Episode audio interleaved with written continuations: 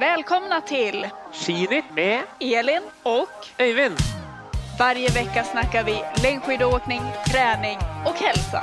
Vi følger de seneste nyhetene og får besøk av spennende gjester.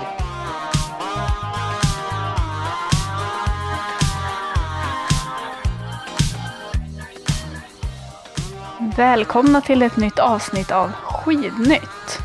Det här avsnittet är i samarbete med Salomon. Salomon är ett franskt företag som tillverkar sportutrustning med sin bas i hjärtat av de franska alperna. Och nu lanserar Salomon en mer hållbar skida. Den heter S-Max E-Skin. Och den här nya skidan, den är mer miljövänlig eftersom det är 45 procent av skidkärnan är gjord av återvunna plastflaskor.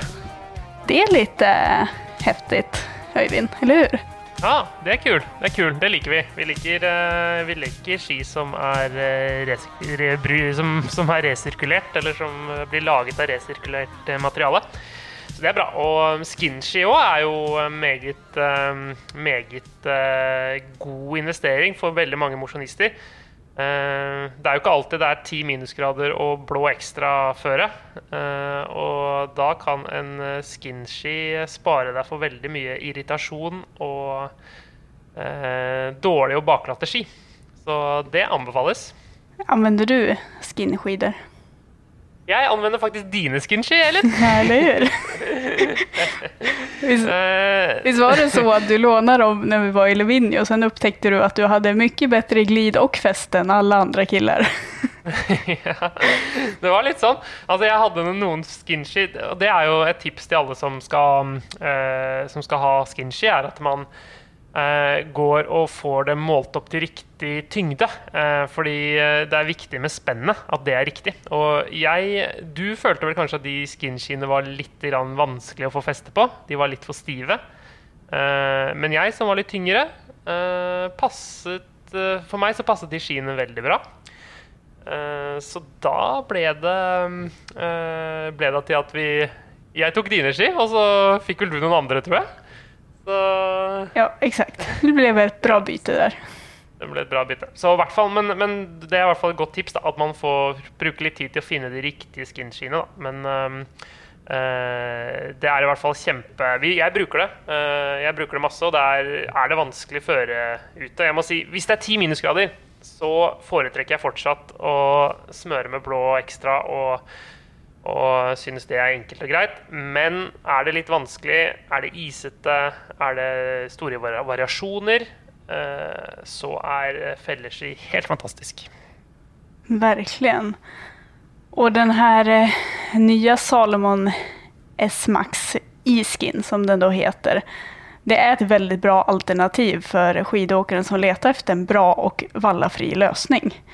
Og vi har jo faktisk noen kolleger som har testat de här skidorna under ett produkttest helt enkelt. Och de var ju riktigt imponerade av den här skidan. Så att eh, skulle nog slå ett slag för att kolla in Salomons nya skinskida. Den er veldig bra. Og så er det en for, ekstra fordel som Salomon har, eh, er jo at du kan bytte fellen. Eh, så du kan bytte mellom litt, eh, litt felle fell med bedre feste og fell med bedre glid. Så um, det er et ekstra lite pluss. Men Anders annars Öyvind, vad, hur är läget? Hur har julen vært for din del? Nei, den har vært fin, den. Eh, jeg har vært hjemme her i Oslo.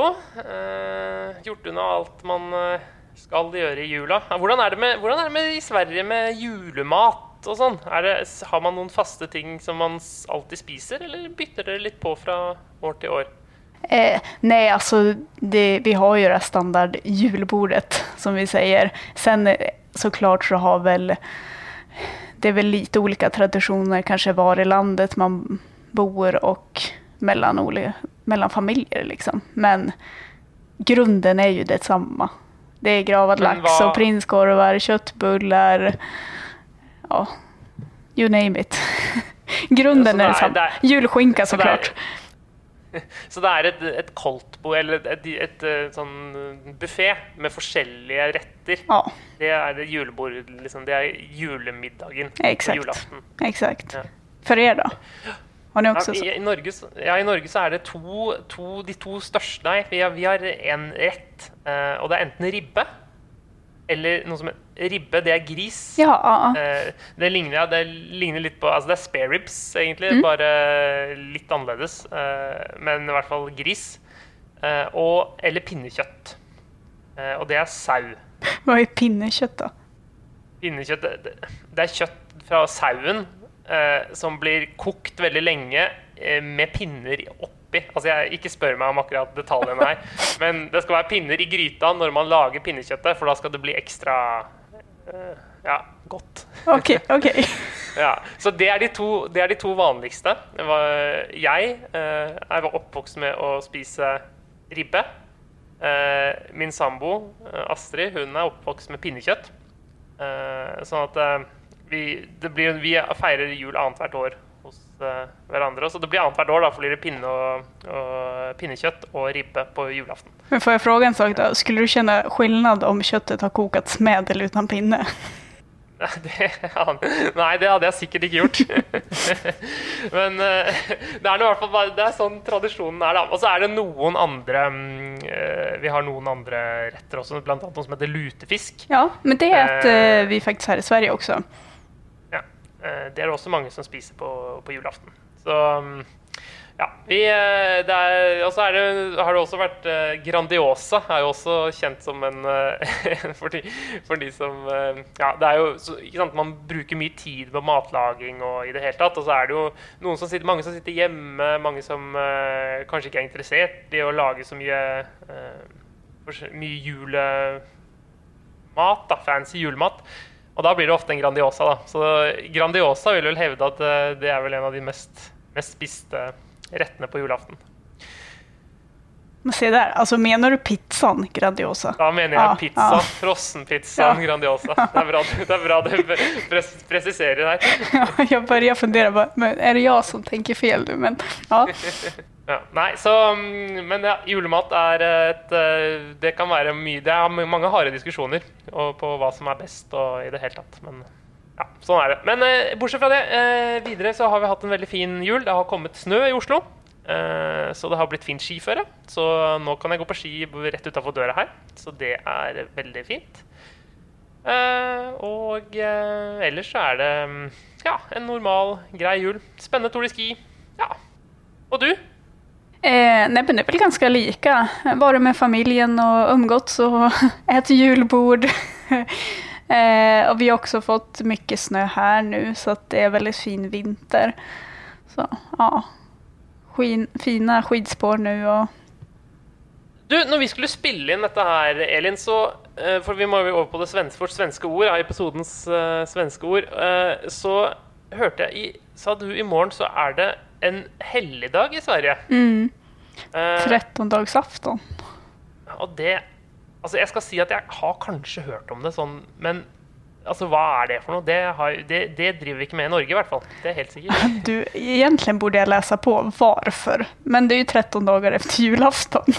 Men hva det er for spesielt, det, det borde faktisk Men, men lese har på. folk fri Har folk fri fra jobb og Eh, ja, det er en rød dag. For det, for det er også en forskjell som jeg har lagt merke til mellom Norge og Sverige. er at det, altså Vi i Norge på søndager, altså røde dager på kalenderen Søndager, første andre juledag, første nyttårsdag, første andre påskedag Altså alle disse dagene her, 17. mai, så er det alle butikker eh, Alt er stengt, eh, stort sett. Eh, men sånn er det ikke i Sverige. Nej, jag tror nog att ni är lite mer, vad ska man säga, gammelmodiga när det gäller sånt. Ja, Eh, här kanske vi har blivit lite väl bortskämda med att allt ska vara öppet jämt. Faktiskt. Ja, ja, ja, ja, men man kan diskutere Ja. hva som er best. da. Ja. Men jeg husker bare jeg snakka med, med Stefan Palm, som er sjef for lageret 157-butikkene. Så lurte jeg på har dere stengt Nei, har dere, altså, har dere stengt noen gang? Og bare Nei, det har vel egentlig ikke det. Det er åpent hver dag hele året. Eh, selvfølgelig kanskje litt kortere åpningstider noen dager og sånne ting, men, men, uh, men det er jo, i Norge er jo ikke det aktuelt i det hele tatt. Vi har stengt én gang i uka. Så ja, litt forskjell. Jo, 13-dagshelgen. Nå skal vi se her. Det her borde man jo faktisk kunne sen skoltiden, men det firas eh, til minne av den dagen da vise männen kom til den nyfødte Jesus i Betlehem for å gi Jesus sine gåvor. Se der, vet du. Se der. Ja, ja, ja. Nei, men det er bra, det. Det, det er fint at dere, dere feirer, feirer litt At dere har noen røde dager som vi ikke har, da, vet du. Så, Ja, exakt. Nei, men fint. Skal vi gå videre til hva som har hendt i romjula på skifronten, Elin? Ja, men det tykker jeg.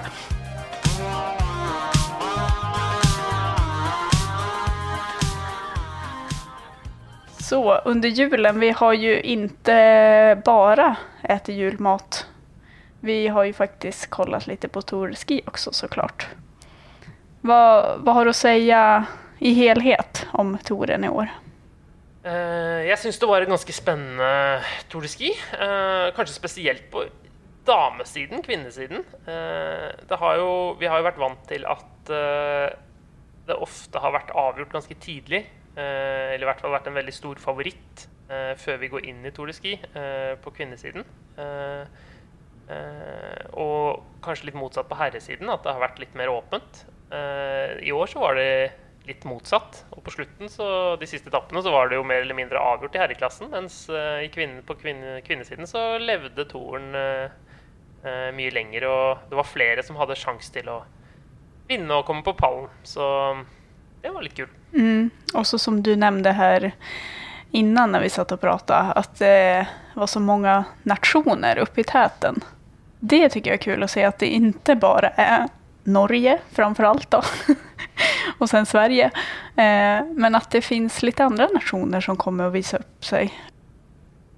Absolutt. Vi fant ut at det var seks, På kvinnesiden så var det seks forskjellige nasjoner, og ingen som hadde mer enn to, to stykker topp ti eh, totalt. Og, og på siste etappen av herrenes eh, eh, Altså opp Monsterbakken, eh, final climb i Alps Hermes, så, så var, jo, var det jo tysk både på tredje- og fjerdeplass. Uh, så det tror jeg mange, det er mange år siden. Man må gå til, tilbake til tiden med Eichmann og Angrer for å finne sist gang uh, det var uh, to tyskere topp fire i et eh, verdenscuprenn i langrenn. Exakt, de har jo Alltså sen dess så har de ju haft ganska... Liksom, de har inte haft några av de här riktiga stjärnorna. Så det vore ju kul om de kan komma fram några. Jag tror att det är viktigt för skidsporten. Jag tycker Tyskland är väldigt intressant på det sättet att eh, skidskytte är så himla stort i jämförelse med längdåkningen. Det går nok litt i bølgedaler også, men, men det er jo noe kanskje med snøtilgang og at eh, skiskytterne ikke krever så I og med at de skal være rundt en standplass og trene mye der, så er de kanskje ikke avhengig av de eh, lange løypene og, og, og den biten der, da, som langrennsløpere kanskje er mer ute etter. Og så, og så får man jo, blir det litt sånn selvforsterkende effekt. Når det først har blitt mer populært, så er det også flere som vil begynne med det. Og så blir det mer premiepenger, mer publisitet, og så blir det flere som velger skiskyting, og så, så har man det gående litt, da. Så, men vi får se. Det, man ser jo nå at det, nå kom det kom både Moch og Bøgel i, i Og så har de hatt Brygger og Dobler og Det er jo blant herrene, da. Og så har du Katarina Hennig eh, og Laura Gimler, Victoria Carl på kvinnesiden. Så de har jo en del talenter som eh, som eh, Kanskje noen av dem, en eller to av dem kan, eh, kan ta det siste steget og komme helt opp i toppen. da. Det blir kult. Men du, Frida Karlsson, da. Det ble ikke helt den toren eh, hun hadde håpa på. Hun var jo favoritt når vi starta. Ja, och det började ju redan från början mindre bra om man säger som så. Genom att hon missade kvalet. Tappade mycket poäng där. Och sen, nej, det har inte riktigt eh, gått som hon önskar. Och så efter det där gula kortet då, när hon fick tidstillägg på tre minuter, då valde ju hon att, att kliva av. Och det kan man Ja, väl alltså- se lite både och på kan jag tycka. Eller hva tykker nei, altså, du? Ja, det skal, nei, jeg synes altså det at hun stopper når hun er tre, får den tidsstraffen, det, det kan jeg i og for seg skjønne. Eh, det er på en måte, Hun kunne godt ha gått de to siste etappene, og kanskje hun til og med kunne ha vunnet en eller to av dem. Eh, men hun følte seg vel ikke helt i superform. og og hun gikk jo Tour de Ski for å vinne og for å få et godt resultat, regner jeg med. Og når hun ikke lenger kunne gjøre det, så, så dro hun hjem. Så det, det, har jeg litt forståelse for. Eh, men sånn sett fra mitt ståsted så virker det litt som at Frida Karlsson er eh, Altså, det er ikke første gang hun roter seg opp i trøbbel. Og at hun ikke er så god når det begynner å blåse litt. Eh, det blir det, det koker litt i toppen når det, når det, er hektisk, og når det er viktige ting, så, så faller hun litt sammen, da. Eh, og det tror jeg nå, jeg, jeg, føler at det ikke lenger er helt tilfeldig. Uh, at hun har en liten utfordring med, med det mentale og det psykiske å takle takle press, takle uh, uforutsette hendelser. Uh, og, og, og, rett og slett håndtere også stress over tid, da. Litt, litt skjør, kan man si det på svensk? Det, ja, jo. Ja. Mm. Gå, lett, går lett, i stykker. Det er inntrykket mitt da, etter, etter denne Tour mm. Nej, jag håller med. Alltså, det är kanske en sak om man känner att nej, men, kroppen fungerar inte och eh, att man anser vad är bäst inför OS då, om det inte fungerar i kroppen rent fysiskt. Men om hon ger upp på grund av tidstillägget, det tycker jag kanske inte är lika okej, okay, bara för att man inte har chans att vinna. Det tycker jag kanske inte sänder ut de bästa signalerna. Att man ger upp på det sättet. Sen vet ju inte jag helt bakgrunnen til hvorfor hun gav opp heller, men vi, vi, har jo hatt den samme debatten i Norge med, med det at man skal gi seg etter kort tid eh, i Tour de Ski. Og eh, jeg skrev jo bl.a. med langrenn.com en liten eh, kommentar på det når Simen Hegstad Krüger eh, dro hjem fra Tour de Ski etter, etter to dager. Eh, og det var jo planlagt etter to dager. Uh, samtidig som det sitter veldig mange gode løpere hjemme og, og ikke får uh, gå i det hele tatt. Og det syns jeg Jeg står fortsatt for det at jeg mener at det ikke var helt bra. Og at jeg skjønner at Simen Hegstad Krüger nok var i eh, Lenzerheide for å prøve å gå seg inn på OL-laget på 15 km klassisk i til OL. Eh, og, og, at han, ja, han, ville prøve på det. Men da tenker jeg at han kunne heller ha stilt opp i skandinavisk cup i Falun eller gått verdenscupen i, i uh, Le Rouge, ja, som nå er blitt avlyst. da. Eventuelt heller Planica er det jo også en duatlon. Uh, og på den måten prøvd å kvalifisere seg inn, istedenfor å bruke opp en hel plass som uh, veldig mange løpere kunne ha fått. Og ikke bare gått Tour de Ski for å gjennomføre, men også gjort gode prestasjoner. Nej, men jag håller med, det är väldigt tråkigt det där tycker jag. Alltså speciellt när det liksom är planerat på förhand. Att till exempel, ja men jag ska boka två tävlingar och sen åka hem. Ja, for det er ikke noe problem at folk blir syke eller skadet. Eller Nei, da er det jo en sak. Ja. ja, og Emil Iversen har jeg også har jeg forståelse for. fordi altså, på en måte når ikke ting fungerer i det hele tatt, så, så, så, er det på en måte ikke noe Men, men når det er helt planlagt, når man skal gå Han skulle da i og for seg gå etter en, da, en sprint ikke, der han ikke hadde noen ambisjoner, og en 50 km klassisk. Eh, av en tour på seksrenn, da samtidig som Og hvis det hadde vært problemer med at eh, kan, Nå kan jeg kanskje være litt stygg, da, men på jentesiden f.eks., så er det jo eh, Der er det kanskje ikke så mange som sitter hjemme og faktisk hadde hatt eh, så mye Tour de Ski å gjøre. Eh, fordi at bredden ikke er så stor. Men på herresiden så er det det, og da syns jeg at man burde ha eh, At det ikke burde vært tillatt. Og, og det er ikke kritikk til Simen eh, eller noen av de andre landslagsløperne. Det er jo ikke de som tar ut laget, men, eh, men jeg mener at landslagsledelsen da burde gjort litt andre prioriteringer. Og ibland upplever jeg også en rädsla for å tävla flere tävlingar på rad hos många åkare. Att man tänker att det ska bli för tufft och så. Och, alltså, absolut, till viss del har jag förståelse. Det är klart det är jobbigt att tävla sex tävlingar. Men jag tycker ändå också att det är, det är lite skillnad på hur touren ser ut nu kontra hur det förut. Förut var det nio tävlingar, nu är vi nere på sex. Det är inte, det är inte så blodigt, om man ser det så. Hørte du, hørte du um, Det var jo første gang vinnertiden, altså vinnertiden til Nepraeva var vel på 1 time og 52 minutter eller sånn. Det er jo eh, mindre tid enn, det, enn de fleste langløpene som vi har gått, og, og mindre tid enn en femmil for herrene. Så det er jo ikke totalt sett er jo ikke eh, Selv om det selvfølgelig er tøff belastning og man går mange korte, kortere renn, så Absolutt. er ikke den totale belastningen så stor.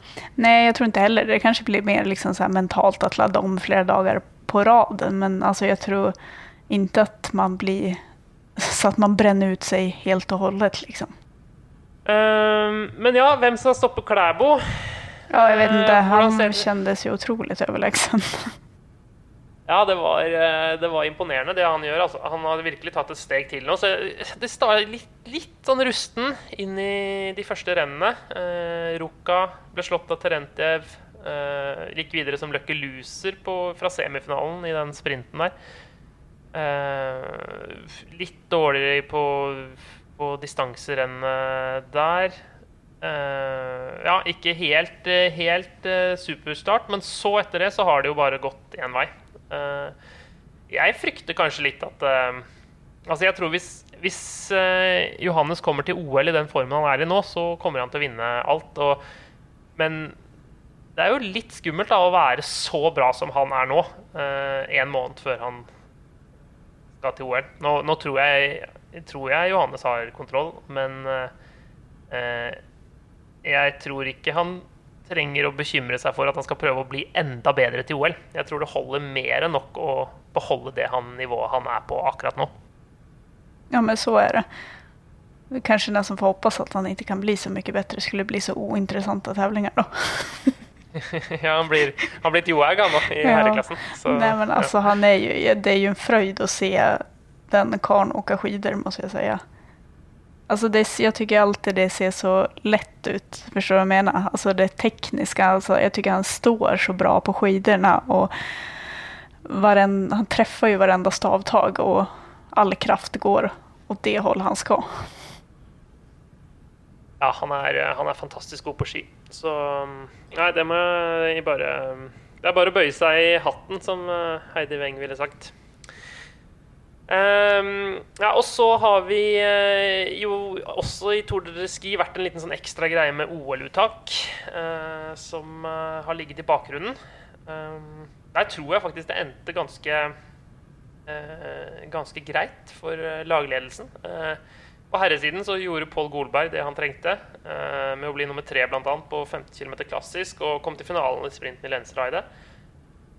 Og eh, på eh, kvinnesiden så gikk jo Mathilde Myhrvold inn på pallen i Lensreidet på sprinten der, så hun er klar. Og så gikk jo Sjur Røthe noen gode skirenn, og han, med den rutinen han har, så, så er jo han Burde han få plass i laget. Og eh, så er det den, kanskje den mest usikre plassen, Anne Kjersti Kalvå. Eh, men jeg tror hun får den foran godeste Ragnhild Haga. eh, som vi får besøk av etterpå. Nei, jeg, tror, det tror det ble ganske, ganske greit da, for ledelsen å ta ut den troppen. Men det är, är det en damplats kvar just nu? Och så är det hur många? Eller nei, det er to. to. to. Mathilde Myhrvold og, og, og Anne Kjersti Kalve og Ragnhild Haga. De tre har kjempet om to plasser. Ja, ja. Hvor mange er det kvar da, som skal tas ut? Det er to, to. det er to Mm. plasser der også. Og de sju Røthe og Pål Golberg tar de to, tenker jeg. Ja.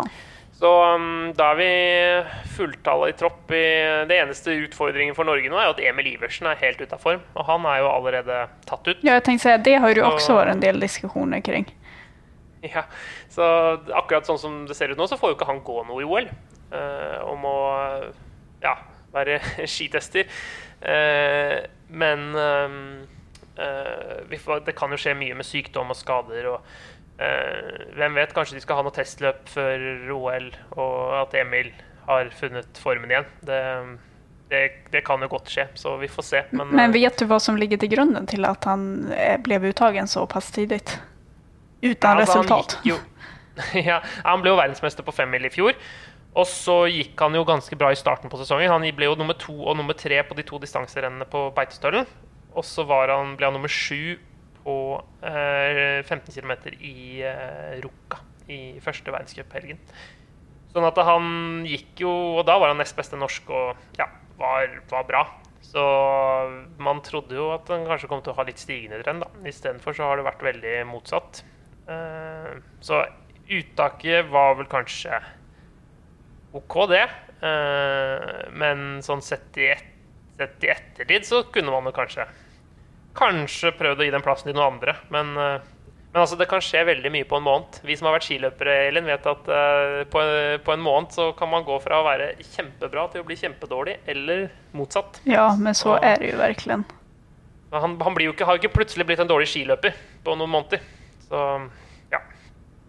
Men i Sverige, eh, Kalla og Halvarsson, Ja, legendene, fikk, eh, fikk plass. Ja, i dag faktisk, samme dag som vi spilte inn det her, denne podden, så fikk de de siste OS-plassene. Det var litt kult at vi får, eh, at vi får jeg, så, jeg så I forbindelse med den, eh, det uttaket så så jeg at Charlotte Kalla faktisk er den mestvinnende eh, vinterolymp... Eller olympier i Sverige gjennom tidene. Ja, hon har jo vært helt otrolig på OS. Eller mesterskap overlag har hun jo. Ja, Foruten kanskje i fjol då, liksom. Fast hun var jo fortfarande bra i fjol også, trots hvordan hennes sesong såg ut i øvrig. Så at, eh, jeg hoppas verkligen at hun kan hitta formen og at vi får se gamla Kalla litt. grann. Det hadde vært kult. Og Kalle våkna jo litt til liv, da. Ja. Og eh, viste at han, eh, han kan jo være med å kjempe om eh, Være en viktig brikke i, i den troppen, da. Ja, men det er jo det. Og jeg tror det var viktig for han selv også å få et få ett bra resultat. Så han får se selv. At, at det fins jo der. Det blir spännande. Bra. Men skal vi prøve å få inn uh, uh, ukens gjest, da, Elin? Uh, Ja. Hun har jo akkurat vært med og gått Tour de Ski, så det blir jo litt spennende å høre hvordan den opplevelsen var. Og så er hun jo også en av de som vi snakket om her i, her i OL-uttaksdiskusjonen, men som kanskje faller på feil side. Eh, Men vi får se litt, eh, høre hva hun sier om det. Og dere i Sverige er i hvert fall kanskje ikke så godt kjent med henne. Selv om hun faktisk er olympisk mester. eh, Regjerende olympisk mester på 10 km. Det skal bli spennende. Vi får bare kjøre på med Ragnhild Haga.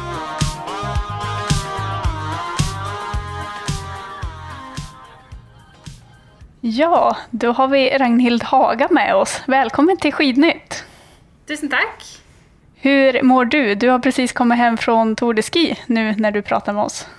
Ja, jeg har akkurat landet på Gardermoen og tatt en hurtigtest. Og ja, litt sliten etter Tour de Ski. Var det, var det en god Var det en bra tour? Er du fornøyd? Det var litt opp og ned. Eh, følte meg bra midtveis, og så litt sliten på slutten og litt eh, Et par stavbrekk og litt tull, men eh, ja, Altså ikke den beste toren, men, eh, men OK. Eh, vi er jo en norsk-svensk eh, podkast her. Eh, og selv om du har vunnet OL-gull, Ragnhild, og har vært en veldig god skiløper i mange år, så er du også kanskje litt mindre kjent for, eh, for svenskene. Så vi lurte på om eh, vi skulle ta en liten sånn derre bare hvem Ragnhild Haga er, uh, i starten her. Uh, Ja. Oppvekst uh, og ja, den biten der. Ja, nå, nå sitter jeg jo faktisk hjemme på gården hos foreldrene mine, da, hvor jeg er oppvokst akkurat nå. Så jeg er fra Nannestad, ti minutter fra flyplassen Gardermoen. Og eh, ja, vokste opp i skiløperbygda til Bjørn Dæhlie, egentlig. I en familie som er veldig glad i å ta oss med ut på tur og på ski. Så det ble skiløpere og orienteringsløpere og ja, av oss fire søskna, da. Så um, det var sånn det starta, og så har det vel egentlig bare balla på seg med ja, juniorlandslag og rekruttlandslag og litt elitelag. eh, Og mer og mer proffsatsing, etter hvert. For du, du var ganske god som eh, junior, var du ikke det? Og, og ung. Eh, jo, stort sett så hevda jeg meg eh, bra. Jeg har alltid hatt noen dårlige år innimellom også, men, Men var ganske god som liten. Det var jeg og Heidi Weng da, stort sett, som kniva. Vi er like gamle, så vi har konkurrert siden vi var ti og kjent hverandre to tredjedeler av livene våre, så det er litt gøy. Vi har spåret Men- hverandre bra gjennom årene. Ja, absolutt. Så gøy å se henne opp siste bakken i toren, og det er inspirerende eh, når hun hadde så bra dager nå. Men, men, men du, Ragnhild, du har jo vært ganske Altså, du, du kom jo inn på landslaget og på en måte du, Er det din fjerde deltakelse i Tour de Ski nå? Er det? Telte jeg riktig da? Ja, det kan nok stemme. Jeg har ikke helt telt sjøl, men uh, noe rundt der, ja. Ja. Men, men du har jo hatt en karriere som har vært veldig uh, Du kom som ung inn, uh, og du vant jo OL-gull i 2018. Eh, og nå har du hatt noen litt tyngre år de siste årene. Hvordan er det? Hvordan er det å, å ha det- liksom at det butter imot, og at du føler at det, Altså, du vet at du du har mer inne, og så leter du for å prøve å finne det. Er, er, ja, hvordan er det? Ja. Nei, Jeg setter pris på at dere først og fremst snakker med noen som ikke bare har oppturer. da. Eh, det er jo litt spennende, det òg. jeg føler jo i min karriere at jeg jobba veldig hardt for de oppturene jeg har hatt. Eh, og nå i det siste har jeg kanskje hatt litt mer eh, nedturer, men eh, ble også sju i VM i fjor, så jeg har på en måte vært ganske nær noen oppturer da, eh, de siste årene òg. Men ikke like bra som OL for fire år siden. Det har jeg ikke vært. Men det er noe av sjarmen nå, syns jeg, at det skal være hardt. da. Eh, Og, og da smaker det enda bedre når det går bra, samtidig som jeg ikke er verdens mest tålmodige, så jeg må jo jobbe litt med den tålmodigheten. Jeg er mer sta enn tålmodig, kanskje, så jeg gir meg ikke, men, eh, men jeg hater det litt innimellom når det stanger imot, da. Kan du kjenne noen viss press utifrån efter det OS-gullet, at det er det eh, folk utifrån forventer seg, at det er det de jämför? at der du skal være? Har du opplevd noe sånt? Ja. Ja, det, det, jeg hadde ljugd hvis ikke jeg sa det.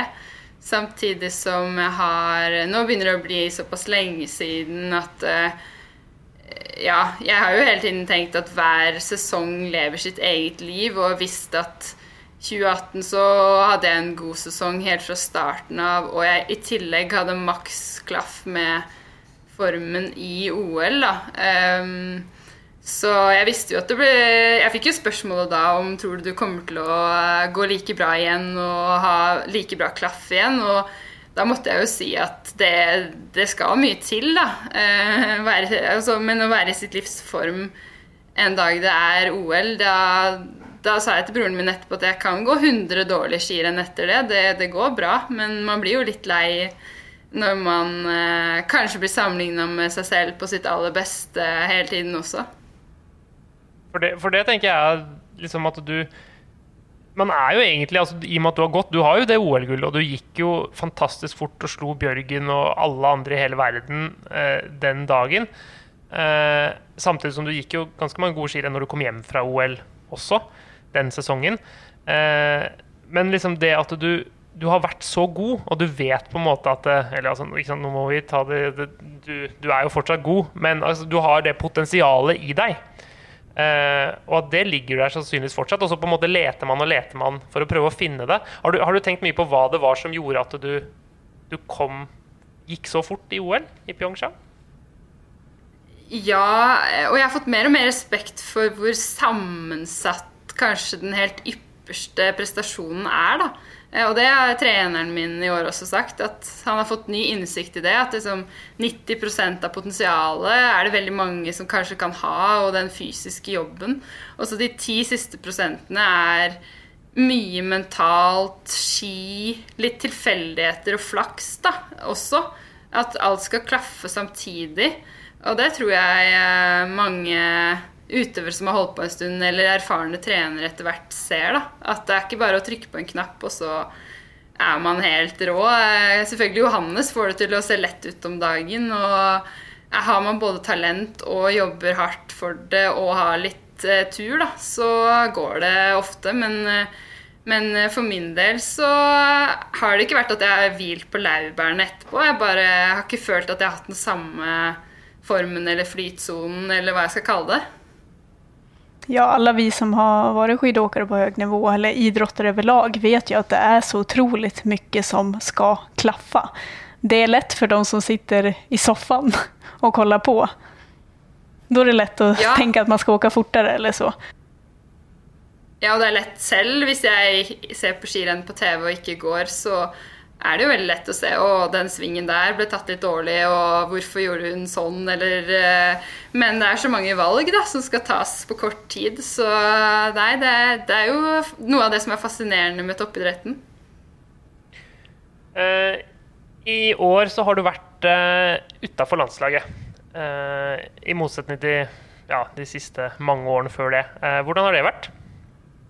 Ja, det har vært en litt ny situasjon, ja. Jeg var jo først veldig skuffa over å ikke komme med, og så har jeg jo hatt skal vi si, mer frihet i å bestemme eh, hvordan jeg skal trene.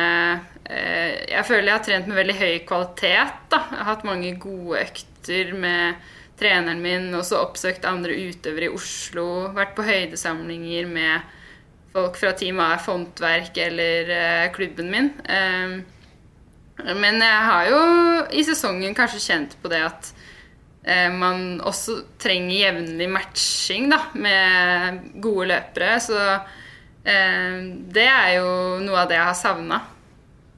Eh, hvor, altså du sa du var skuffet over å ikke komme på landslaget. Altså, har, har du fått noen forklaring, eller har du, du, har du selv noen grunn altså, til at du ikke kom med? Altså, mener du selv at du burde vært med? Og det er jo veldig mange som mener det at du, det var jo veldig rart at du ikke ble tatt med på, på resultatene dine. Tror du at det kan være noe annet som ligger bak, eller er det liksom at du er gammel? Ja eller nei, jeg vet ikke. Det er jo alltid vanskelig. Det er jo sammensatt, da.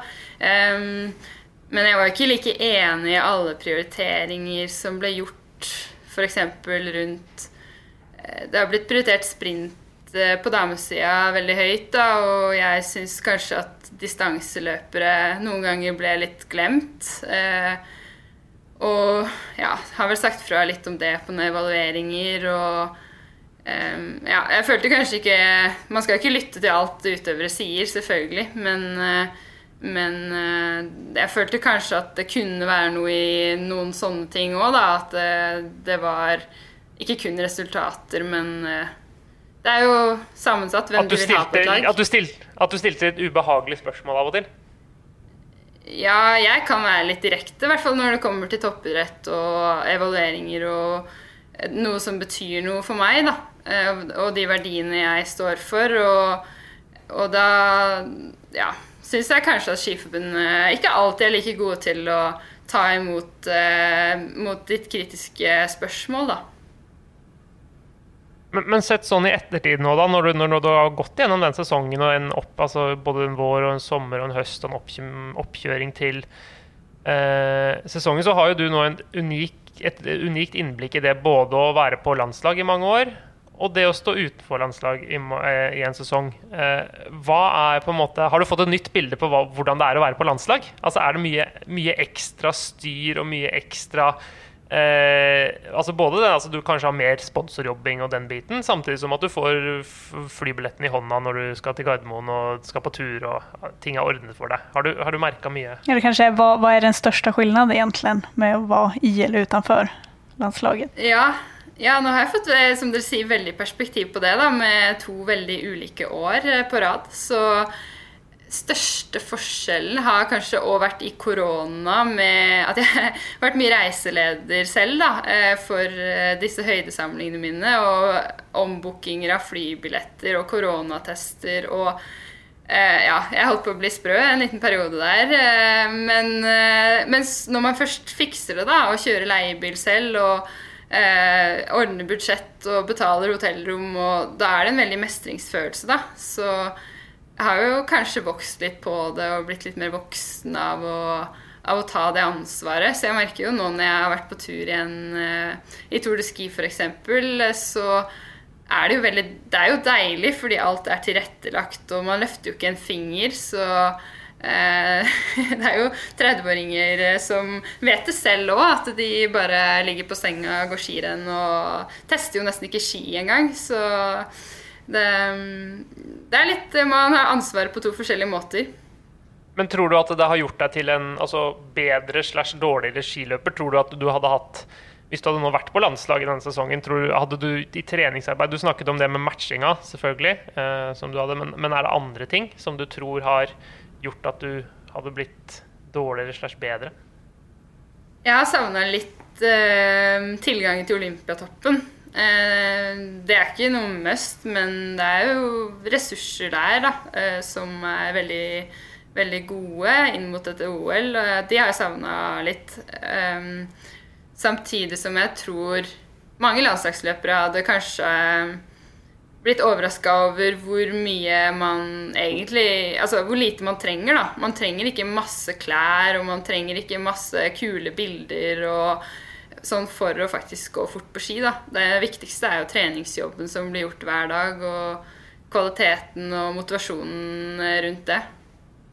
Det er godt å høre at du sier det, for det tror jeg er lett å glemme av og til. da, Når man, når man ser liksom Man blir jo veldig For de litt yngre, da, som får de pumpa fulle med altså Instagram og Facebook-bilder og uh, alt mulig sånn, og det, alt er så proft. Men man, må ikke glemme at har du et par rulleski og et par joggesko, så kommer du veldig langt, altså. Ja, man må skrelle bort noe av det rundt noen ganger, for det, det kan bli for proft og for mye. Så nei, bare kjør på med trening, og det er det viktigste. Hvordan har treningen sett ut vad har du haft for nøkler under det her året i treningen? Eller har du gjort noen forandringer? Ja, jeg har fått eh, Jeg tok ansvar litt selv tidlig med å delvis lønne en trener eh, som heter Erik Bråten. Eh, det har vært viktig for meg for å ha en plan hele veien eh, og forplikte meg til den. Og eh, vi har, har, lagt opp et løp med litt mindre mengdetrening og mer kvalitet på hardøkter. Eh, det har vært veldig mye filming, teknikk på intervaller.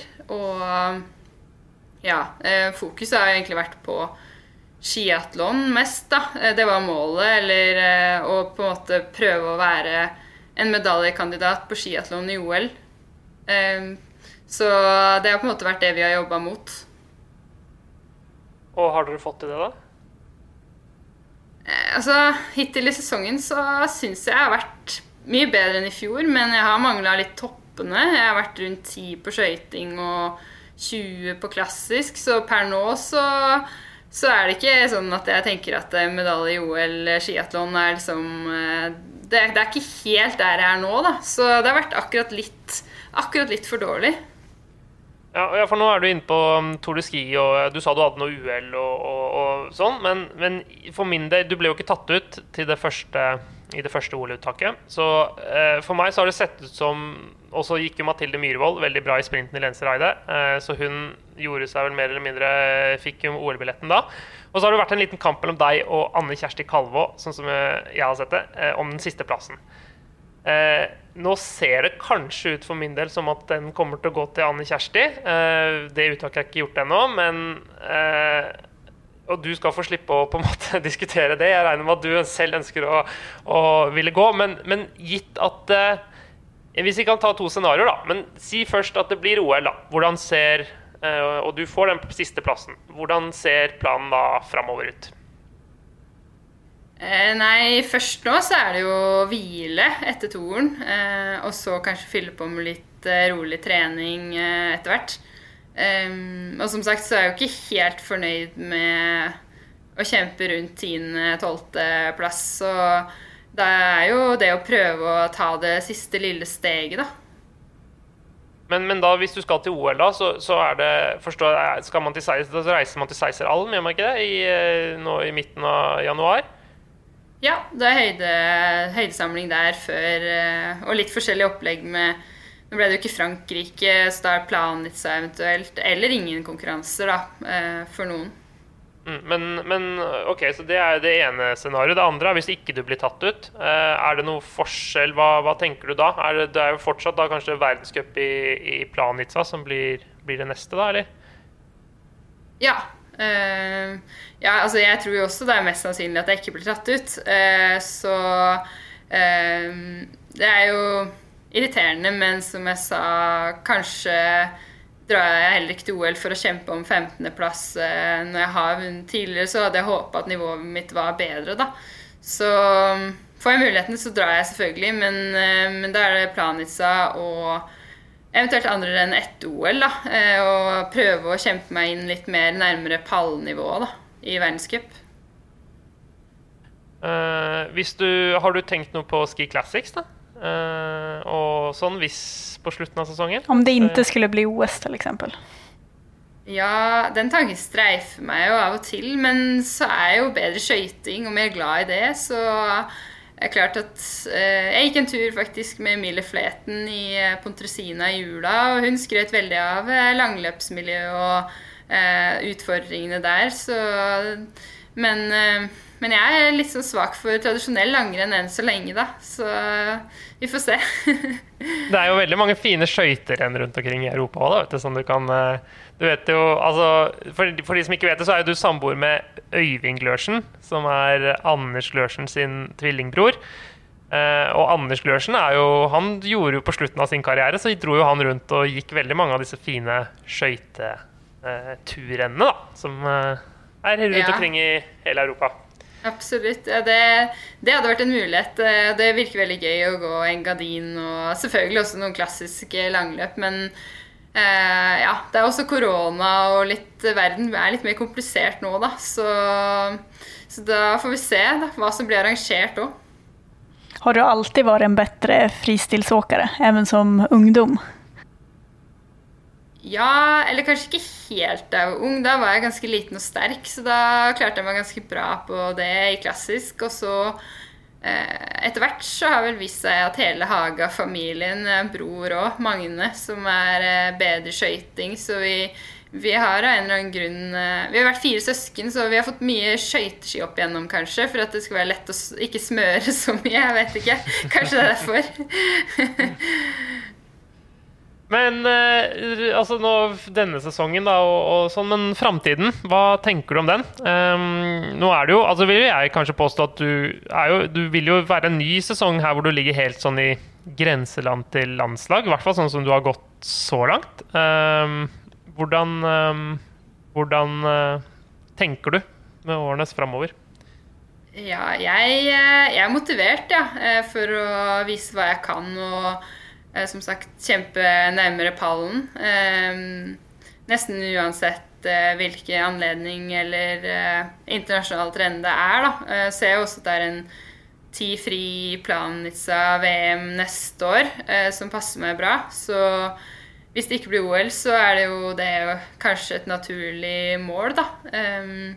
så får vi se, se om det blir landslag eller ikke landslag, men jeg er i hvert fall ganske stas, så vi får se om jeg ikke klarer å jobbe mot planen da. Mm -hmm. Og så er du i hjemme-VM i Granåsen i 2025 også? Ja, jeg tar ett år av gangen. Jeg har alltid gjort det. Men, eh, men eh, vi får se hvordan motivasjonen eh, tar veien etter hvert. Og så må du huske på det, Ragnhild, at selv om du ikke kanskje får beskjed om at du skal reise til OL eh, på mandag, da, hvor det siste uttaket kommer, så er det jo eh, Vil du sannsynligvis da kanskje bli reserve. Og det er, kan jo være ganske stor mulighet for at du faktisk eh, skal reise til OL likevel, da.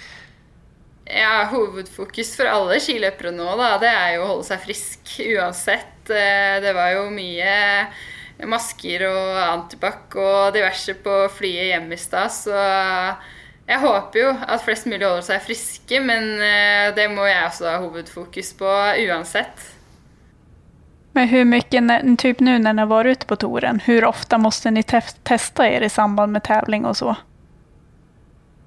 Det var faktisk ikke så mye testing som jeg opplevde på VM i Oberstdorf i fjor. Da måtte vi teste hver annenhver dag. Eh, den turen her så har vi testa oss eh, før, en gang underveis og etter etterpå, da, når, vi kom hjem. Men, eh, men, det har vært mye innreiseregistrering og skjemaer og kryssing av landegrenser som har tatt mye tid og frustrasjon eh, fra en del utøvere. Men, men er det sånn nå når dere f.eks. skulle fra Tyskland og inn i Italia på, i Tour de Ski. Er det sånn at de stopper alle bilene, og alle må øh, fylle inn skjemaer og i det hele tatt? Å nei da. Det det er det som er. skjønner du, at Vi, vi må gjøre alle formalitetene. Eh, men vi blir jo ikke kontrollert. Det, det, har jeg nesten aldri opplevd. Så det er litt umotiverende å fylle inn sånn leilighetsnummeret hjemme når du ikke blir stoppa og blir bedt om navnet ditt engang. Så Men eh, jeg skjønner jo at det må være sånn, da. Det er jo strengt og litt eh, annerledes å bevege seg rundt i verden nå. Og så er dere jo heldige som faktisk får lov til å konkurrere. Uh, I motsetning til altså, når skirenn her hjemme og sånn blir Det merket jeg i hvert fall i fjor når jeg var, uh, gikk langløp. At alle andre turrenn blir avlyst. Så var du Dere er jo, dere får tenke at dere er det eneste i, i hele Norge som får gå skirenn, faktisk. Omtrent. da. Uh, ja, absolutt. Så. Det var det merker jeg faktisk. Eh, at det liksom, samholdet mellom utøvere på tvers av nasjoner, oppvarming og mellom skirenn, det er faktisk bedre enn før, syns jeg. Og det tror jeg er litt pga. korona. Alle er så glad for at det blir arrangert skirenn, og at vi kan, kan konkurrere, da. Vi får vel bare ønske lykke til her framover, og så holder vi tumlene for den der OS-plassen. Ja, tusen takk for det. Du blir vår nye, nye favoritt du nå i, i Skinytt. Ja. ja, det er bra. Flott. Tusen takk for at du kunne være med, Ragnhild. Takk så mye. Takk for meg.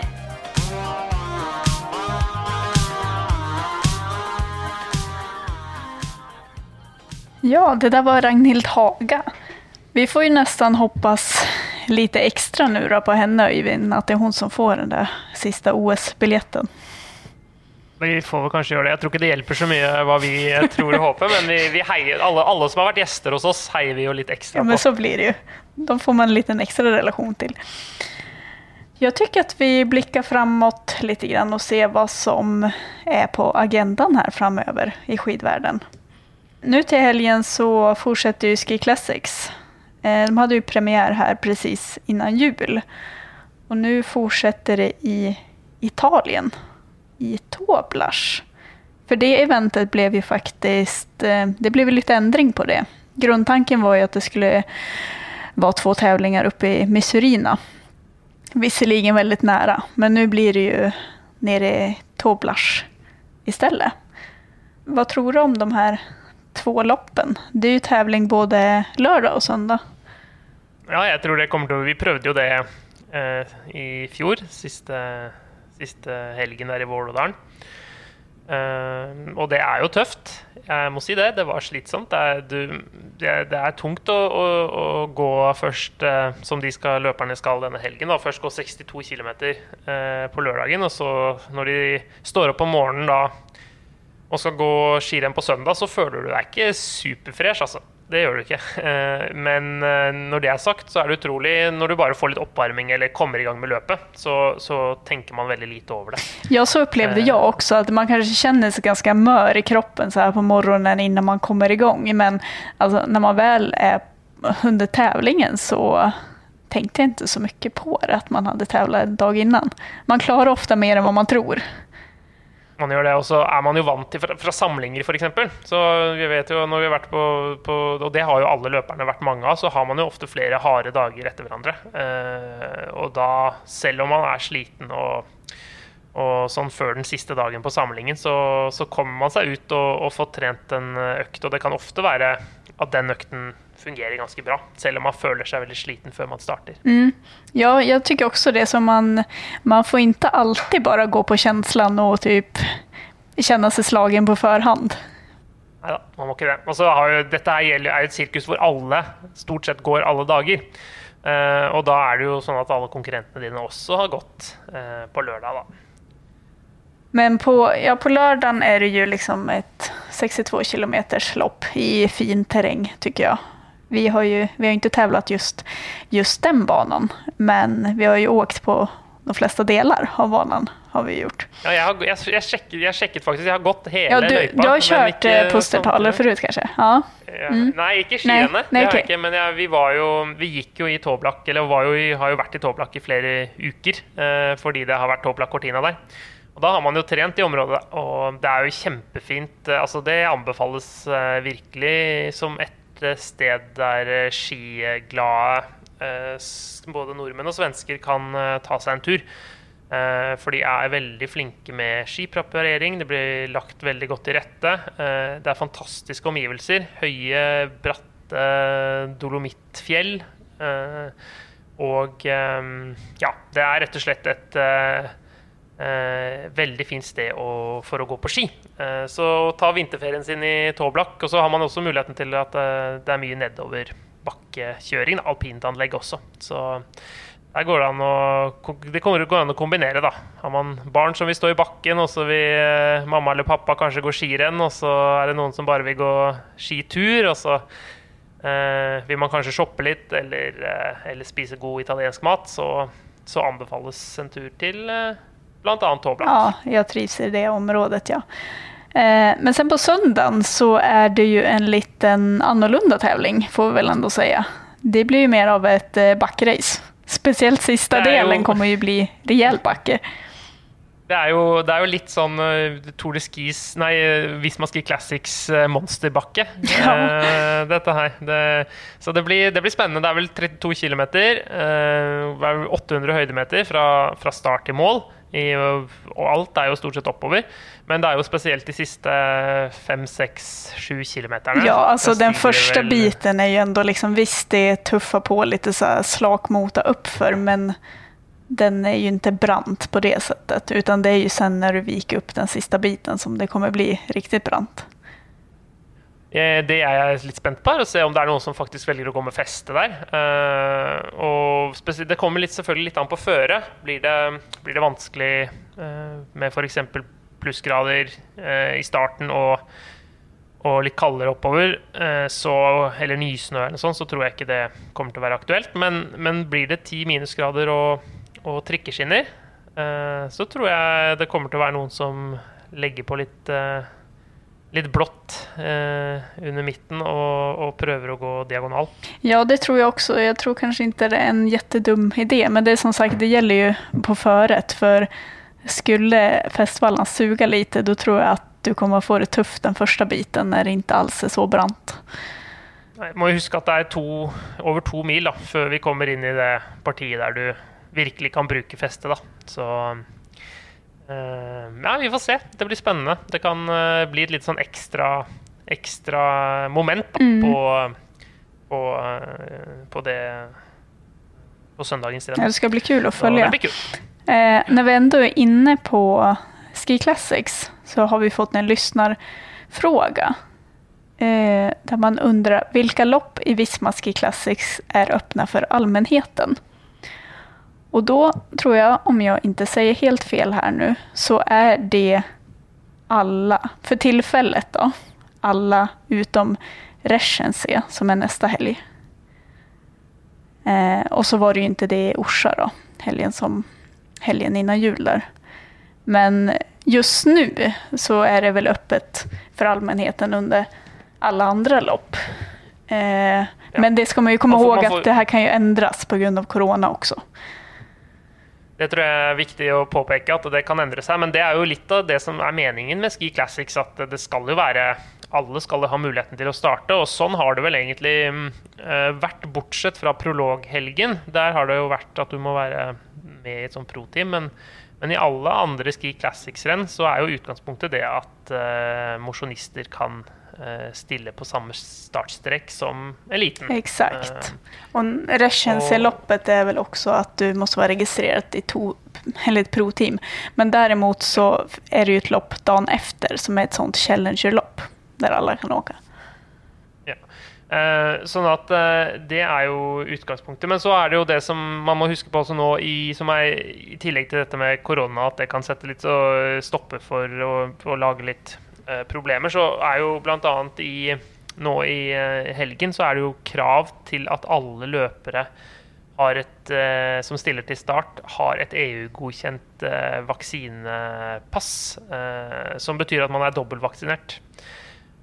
Så hvis ikke du er det, så har du faktisk ikke muligheten til å stille til start i helgen. Da. Men, men har du det, så er det bare å bestille flybillett og komme seg ned.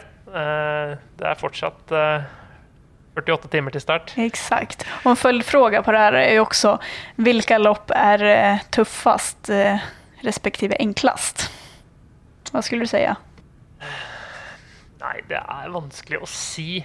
Altså, Det spørs litt hva slags utgangspunkt du har. Um, i Årefjellsloppet på 100 km er jo det lengste. Det går i tøft terreng. Uh, og jeg tror de fleste vil kunne hevde at det er tøffere enn Vasaloppet. i hvert fall, og At Årefjellsloppet sånn på lengde og tøffhet og, og den biten kanskje er Ja, jeg jag skulle nog säga det. Det är liksom 10 mil och är det ungefär 2000 höjdmeter man ska plocka?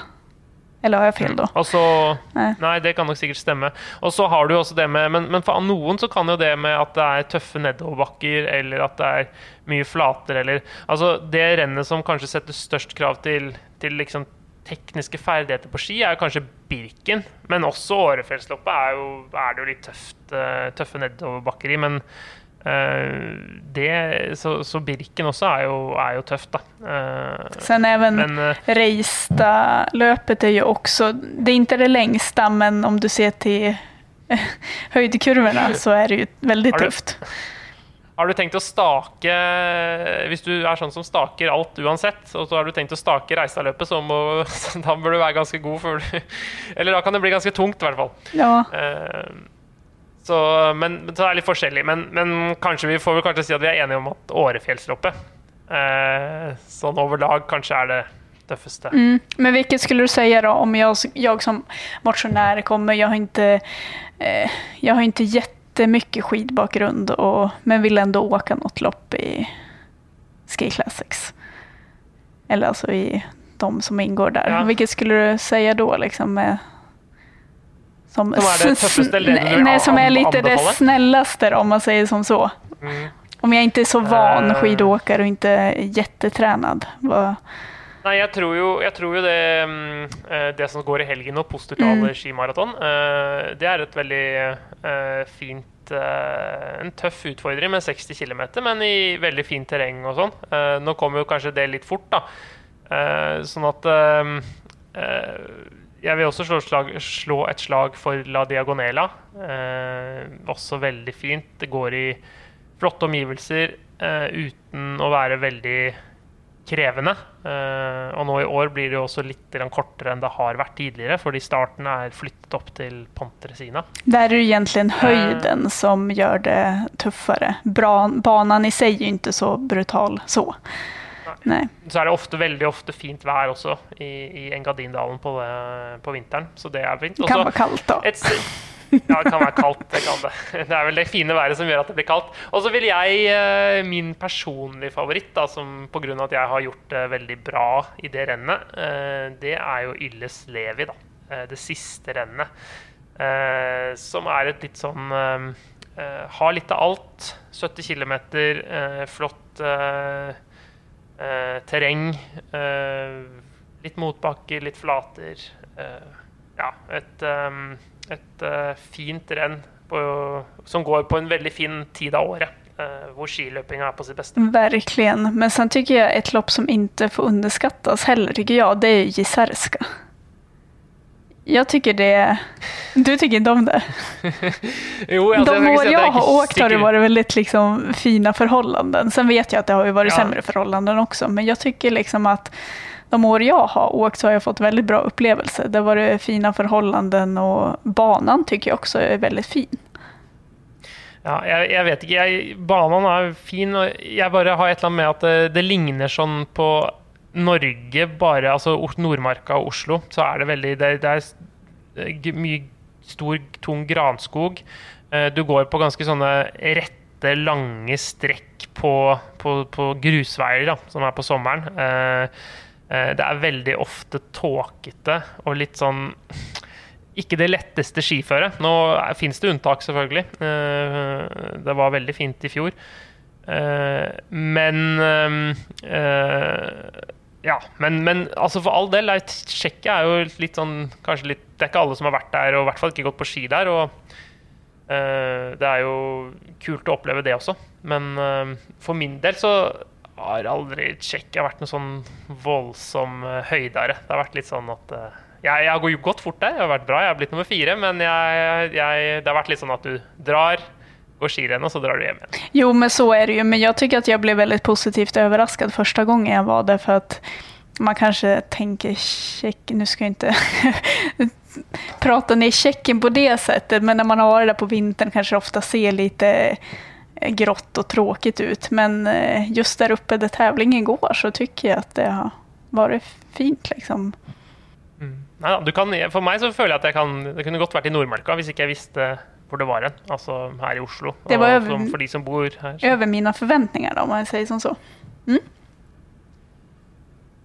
Eh, Bra! Men annars till helgen så är det ju även Skandinavisk cup i Falun. Det blir eh, morsomt. Sprint, skøyting på fredag. Eh, 10-15 km klassisk intervallstart på lørdag. Og 10-15 km skøyting intervallstart på søndag. Eh, mange OL, Jeg så det var mange OL-uttatte løpere som, fra Sverige som skulle gå, i hvert fall. Mm, exakt. Bland annat eh, Maja Dahlqvist. Det er jo hemmabarna for henne. William Poroma Ja. skal gå. Eh, Så det blir jo spennende. Eh, Det kommer jo mye Norge, mange av de best, nest beste norske, og også de beste, egentlig. Ja, egentlig. Jeg tror stort sett alle de som ikke gikk Tour de Ski, de, eh, de drar vel bortover. Eh, Nå når verdenscuprennet i Le Rouge Nå må ingen ta meg på den uttalen av det franske Ja, men det låter her, men, jättebra, eh, det låter jätteproffsigt. Men eh, det sa vi kanskje forrige gang òg. Men uansett, det, det er i hvert fall um, eh, avlyst uh, pga. korona. Så det er uh, ikke noe skirenn i verdenscupen neste helg. Og det gjør nok at det blir enda mer aktuelt for våre nest beste da, å, um, å få godt de konkurransene som er. Uh, så jeg tror det kommer til å bli ordentlig bra trøkk på, på rennet i uh, Falun. Det kommer det bli. Og de sendes vel, tror jeg, på Ekspressen TV. Uh, Det, Tror jag du kan- det kan nog mycket väl stämma. Du vet nog mer faktiskt än vad jag. ja, men tror, tror det stemmer, Ja. men, men jeg tror det er avhengig av et abonnement der. Uh, men det kan man jo skaffe seg. Eh, så det er jo et tips til de som ønsker å se rennet derfra. ja. Eh, bortsett fra det så er det vel eh, eh, bare å Så begynner det så smått å nærme seg OL, da. Og, eller OS. Eh, og det um, Det gleder vi oss veldig til. Uh, det kommer kanskje til å Jeg tror nok eh, Kanskje ikke det er det morsomste stedet for mange. Jeg hørte var det, var det Johannes Klæbo som sa at eh, det nok kanskje ikke kommer til å bli den største opplevelsen sånn uh, utafor skiløypene. Eh, med både korona og omgivelsene der borte som, uh, som ikke ser kanskje ut som de mest spennende. Eh, men eh, men eh, det kommer jo i løypene. Det kommer jo ikke vi som sitter foran TV-en. Vi kommer jo ikke til å se så mye av det. Nei, exakt. Och jag tror nå han kommer ha ganske stort fokus på just skidtävlingarna också. Så att kommer inte ha noe stort fokus på alt rundt omkring. Men vi kommer vel tilbake med en episode før, eh, før OL begynner, eh, Elin. Det gjør vi. Eh, og så, og så får vi egentlig bare si takk for i dag. Mm. Og takk for at dere hørte på. Det ble ganske langt, dette her, så vi beklager det til alle de som Men det er jo bra dere som faktisk fortsatt hører. Dere har jo kommet dere gjennom hele og syns sikkert at det var OK, da. Ja, precis. Man får vel dele opp den i två år om man tycker det er långt. Men sen glöm inte att skicka era frågor till oss heller på podcast www.sportsmedia.com. Takk for nå. Tack, tack. Hej då.